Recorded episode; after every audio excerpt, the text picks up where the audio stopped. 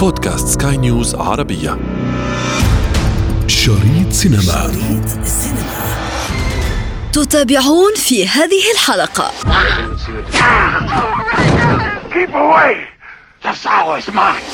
المشكلة لما بتتابعي أفلام الرعب بتشوفي إنه اللي عم يعملوا المؤثرات المشهدية والخاصة للأفلام هن شركات محددة بعينها.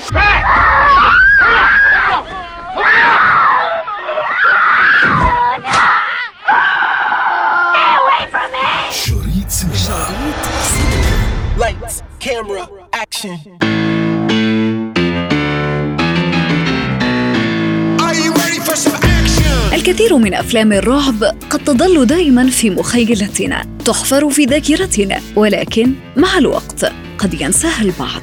هنالك من الأفلام التي لازلنا نتذكرها حتى الآن. نظرا لوقع تجربة الرعب التي بثتها فينا. ومثال ذلك فيلم The Exorcist أنا ابتسام العكريمي وهذه حلقة جديدة من بودكاست شريط سينما. طبعا للحديث عن فيلم The Exorcist في ثلاثية جديدة.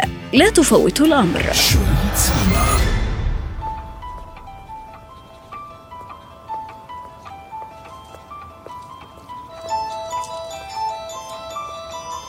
What you do today? Down. My bed was shaking.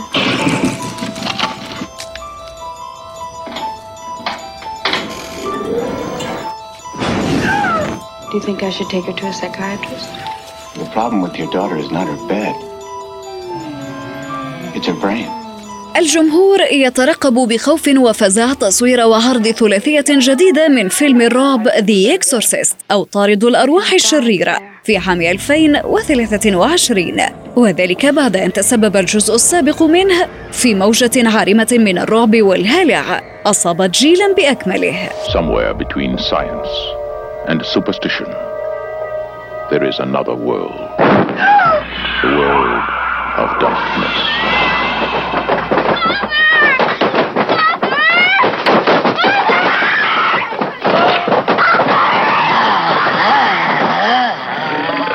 Nobody expected it. Nobody believed it. And nothing صحيفة ديلي ميل أعادت للأذهان ردود الأفعال الرهيبة التي أثارها الفيلم لدى عرضه في عاصمة الضباب في عام 1974 بعد عام واحد فقط من عرضه بالولايات المتحدة الأمريكية من بيروت. الناقد الفني محمد حجازي. الجزء الأول كان عام 73 يعني قريبا جدا. يعني خلال هم عاملينه ل 23 ليكون مرق 50 سنة على الجزء الأول. ف Exorcist رح يصير عمره نصف قرن منه هين ابدا. عندما يعني تقارنين بين ما كان Exorcist عام 73 وما يعني تلاه من أعمال والبعض منها حمل يعني بعنوانه الكبير كلمة Exorcist وعملوا عليها The Exorcist بلو The Exorcist ما بعرف شو. المهم كل ما أنتج بعد Exorcist الأول لويليام فرايدكن ما كان بمستوى الأول اطلاقا.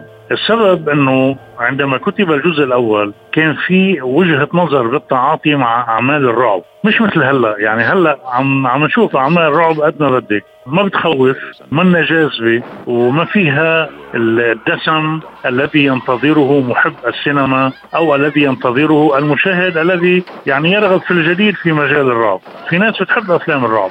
بتحب أفلام الرعب وهي لا ترتعب منها بكل بساطة. فالذي حصل أن كل ما ظهر بعد Exorcist 1 ما كان قوي جدا لدرجة أن يمحوا الجزء الأول أن يمحوا Exorcist الأصلي. كل ما أنتج لاحقا ما كان بهالمستوى عام 77 عمل جزء ثاني ورجعوا كملوا. حاولوا يعملوا أكثر من جزء ما مشي الحال. هلأ قرارهم هو بس لأنه سيتم الاحتفال بمرور نصف قرن على إطلاق الجزء الأول من Exorcist نصف قرن مش هين ابدا ولكن بكل بساطة من أين ستأتين بإلين بورستين؟ من وين بدك تجيبي ماكس فون سيدو السويدي العظيم الله يرحمه؟ حتى ليندا بلير في أسماء انطبعت وكانت لصيقة بالجزء الأول وما زالت موجودة بذهن من شاهد هذا الجزء، سواء من عايشه في تلك السنة أو الذين تعاقبوا لاحقا وشاهدوه بشكل متأخر. المقصود هون إنه ما عادت أفلام الرعب على المستوى الذي صنعت به الأفلام أيام زمان، يعني مثلا أنت بتحكي عن رعب هيتشكوك، مين هو الذي يداني ويقارب هيتشكوك؟ ابدا، كلهم حاولوا يجوا يعملوا رعب بيفسعوك بيوقعوا يعني أشياء موجودة على الحيط بيهزوا الغرفة كله ما عاد يعني شيئا. بيطيروا البني آدم عبر الكمبيوتر بدي كيف يعملوا؟ لكن ما في باز ما في قاعدة يبنى عليها هذا الفيلم لكي يجذب المشاهد. هذه المشكلة عم بيعانوا منها. حاليا عمالة تنزل أفلام مش عم تجيب فلوس. هوليود عانت من هذا الموضوع. والمشكلة الكبيرة بهذا الإطار إنه ما عاد في ممثلين قادرين يخوفوا. يعني ما في ممثل عم يطلع يخوف لأنه عم بيخاف إنه يطلع يخوف ما يعودوا يحبون الناس. في أدوار عم تعلق بأذهان الناس لبعض الممثلين بصيروا يكرهوهم. وأنا برأيي معهم حق أحيانا الممثلين لأنه فيلم فاشل ودور لا يليق بالممثل. بجيب الممثل بالحيط خلص ما يعود قادر يتحرك بهذا العمل. والبعض بيحاول انه يعني يعمل قلبي يعمل آه شيء مختلف ولكن دائما ما عم نطلع بنتيجة. ما زالت الأعمال القديمة لأفلام الرعب هي الأعمال التي فعلا نعتز فيها. كانت منيحة وعظيمة ولافته ومشغول حلو. هلأ ما في شيء. أنا بتابع ما عم شوف شيء له قيمة. شريط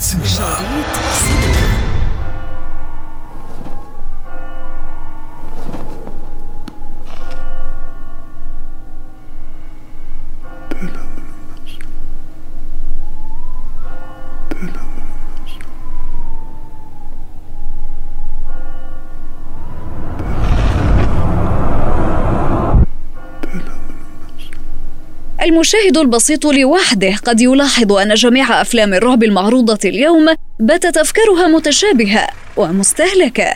كثرة الحركة مع مزيج من الدماء والسوائل الملونة قد تجعل الفيلم مرعبا مغالطة يكشف عنها النقاد. الأفكار هي الأفكار المستهلكة. كل الأفلام تدور في فلك تقريبا مجموعة أفكار صارت كثير معروفة نقول 30 40 فكرة. خلص تم استهلاكهم كلهم. لكن خليني أقول لك شيء وهذا كلام بتحمل مسؤوليته كاملا عندما كانت تطلق أفلام الرعب في السبعينات مثلا كنت عم تشتغلي على أعمال واقعية يعني بيشتغلوا على على ماده بين ايديهم عندما تحولت أفلام الرعب إلى الكمبيوتر تحولت إلى ال science fiction تحولت إلى المشهديه المفبركة المنمقه المظبطه الاصطناعية الناس ما عاد تصدق لأنه في عندها game بالبيت بتشوف game بيمشي الحال فشو بدها بالأفلام ساعتها؟ معظم أعمال الأكشن، أعمال الرعب عم بتكون ترجمة لكل ال game اللي موجود بالسوق للأولاد وللكبار، يعني ذهبت قيمة بعض الأعمال من خلال التقنية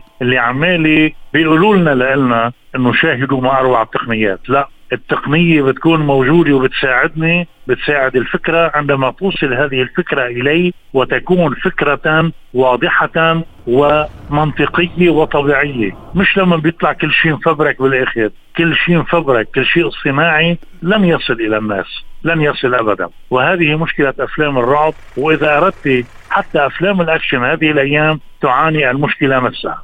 الفئة اللي بتفضل هكذا نوع من الأفلام هي الفئه فئة الشباب. لأنه المتقدم بالسن بيشوف هيك نوعيه بيموت ثاني يوم أو بيموت وهو قاعد بيوقف قلبه. اللي بيوقف قلبه لأنه الطريقة اللي عم يشتغلوا فيها يعني بتنقز بتعمل نقزة ربما عملت جلطة ما بعرف شو بتعمل. المهم انها بتروح المشاهد. اللي مطلوب هلأ بكل بساطة التخفيف من التقنيات. يعني معلش شيء إنه ما بندخل هذه المشاهد كلها كلها على الكمبيوتر وهاتوا أعطونا أعطونا مؤثرات صوتية ومؤثرات خاصة ومؤثرات مشهدية لحتى نقنع الناس بشيء. يعني واحد بيطير مخه والثاني بياكل سكين بنص جمجمته واحد بيشيلوا له العينتين. مش يعني ما هذا هو الرعب. خلينا نرجع لمدرسة هيتشكوك. شو رائع هذا هذا الرجل؟ يعني حتى ويليام كان لما عمل اكزورسيت ما عمل الفيلم لحتى ينقز أو يقرف اللي عمال بيشوف ما المطلوب إنه نشوف دم كثير ولا المطلوب نشوف شيء يعني يقزز البني آدم. يخليه ما يعود يعني يصير قرفان من أن يتابع ما يشاهد. المطلوب من فيلم الرعب هو يكون فيلم للترقب. أنت تترقب كمشاهد وبالتالي تأتيك الأمور بكل بساطة بتعطيك بتفاجئك. ولكنها ما بتقول لك يعني إنه إلى اللقاء بتروحك بالكامل. لأنه في بعض أفلام بتحط ببدايتها إنه اللي معه مرض قلب ما يشوف. وليه أنت مضطر تعمل يعني أفلام تموت بني آدم إذا قلبه ضعيف مثلا. وهذا ليس مطلوبا بكل بساطة. مطلوب إنك تعمل فيلم فيه ترقب. إذا عملت شيء له علاقة بتعمل آه، يعني صدمة معلش يصدم بس ما تصدم بشكل إنك آه، تروح بني آدم. المهم إنه كل هذا المناخ علينا العودة إلى الطبيعية إلى الفيلم الحقيقي. خلينا نرجع نفرجي إنه مش واحد بيطير راسه بعد شوي بيرجع بيلتزق فيه وبكمل مشي مثل الأموات الأحياء. أنا ما أقصد يعطيني أمثلة أستطيع تطبيقها في الواقع. يعني واحد أنا افترض أكل جرح قوي أوكي بفهمها بس إنه بينضرب ضربة بيطير مخه بعد شوي مدري شو بيطير فيه إيديه بيروحوا بعد شوي بيرجعوا فكل هذا المناخ اللي فيه فانتازيا يعني مناخ كذاب في عبارة بيقولها أحد السينمائيين الكبار الطليان بيقول أكبر كذبه في العالم هي السينما. ومهمتنا نحن كمخرجين أن نجعل الناس تصدقها. شو في ما اروع هذا الكلام. السينما كلها كذبة. عم تشوفي شيء مفبرك على الشاشه طيب عاد إذا كانت السينما كذبة وأنت أيها المخرج وأيها الكاتب جاي كمان تكذب علينا زيادة لأشياء لا نصدقها كذبة على كذبة. ما بتركب. فالمقصود إنه أعطيني شيء صدقه وبكمل معك. هذه هي المطلوب. هذا هو المطلوب. شريط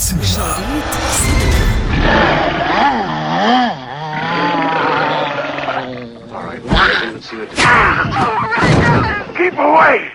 The sow is mine!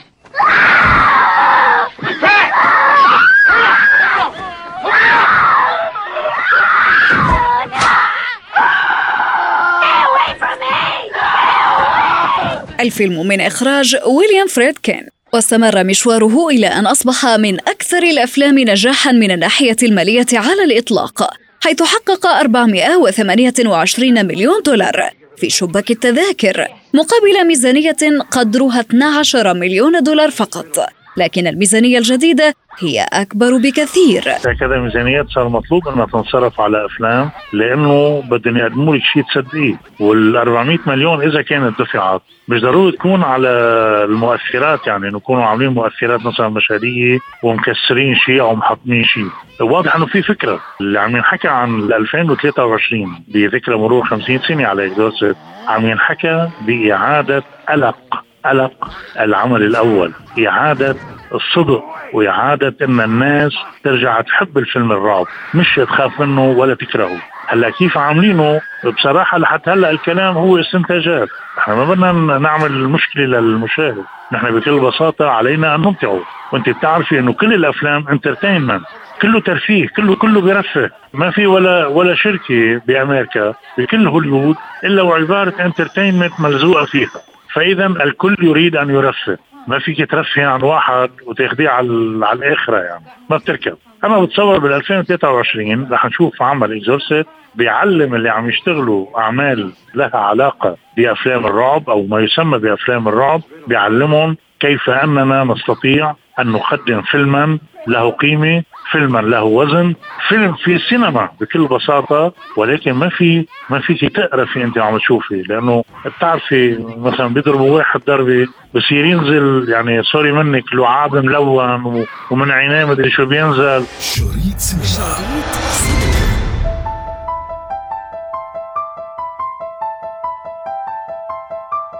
انتقادات كثيرة إذا طالت نمطية الأساليب المستخدمة في أفلام الرعب. والنقاد أرجعوا الأسباب إلى الشركات المختصة بصناعة أدوات الرعب. المشكلة لما بتتابعي أفلام الرعب وبتشوفي ال fiche technique تبع الفيلم بتشوفي إنه اللي عم يعملوا المؤثرات المشهدية والخاصة للأفلام هن شركات محددة بعينها. يعني عندهم إذا بدك برودوي عم يشتغلوا عليه بيستخدموه بكل الأفلام. شو بده؟ بده المخرج أو الكاتب مثلا إنه إذا انضرب بسكينة هذا هذا الممثل يطلع منه مثلا سائل بلون معين. كلهم هدول مجهزينهم هن يعني في شغلات مفبركة سلفا لكي تقدم في هكذا أفلام. وهذه المشكلة صار موجودة حتى بالأفكار. يعني ادخلي على هذه الأفلام نفس الأفكار هي بذاتها هي بذاتها. يعني لدرجة فاقعة. يعني صار صار الواحد بيمشي بالفيلم من أول خمس دقائق صار عارف النهاية. انتظرونا أحداث جديدة في شريط سينما.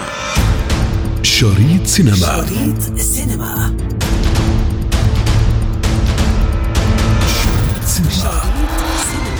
في ختام حلقتنا من شريط سينما ضمن منصة بودكاست سكاي نيوز عربية. نذكركم بمتابعتنا والاستماع لنا عبر تحميل منصاتنا المختلفة من البودكاست التي تجدونها على أبل ستور وجوجل بلاي كنت معكم في التقديم أنا ابتسام العكريمي ومن إخراج نويل بولوس.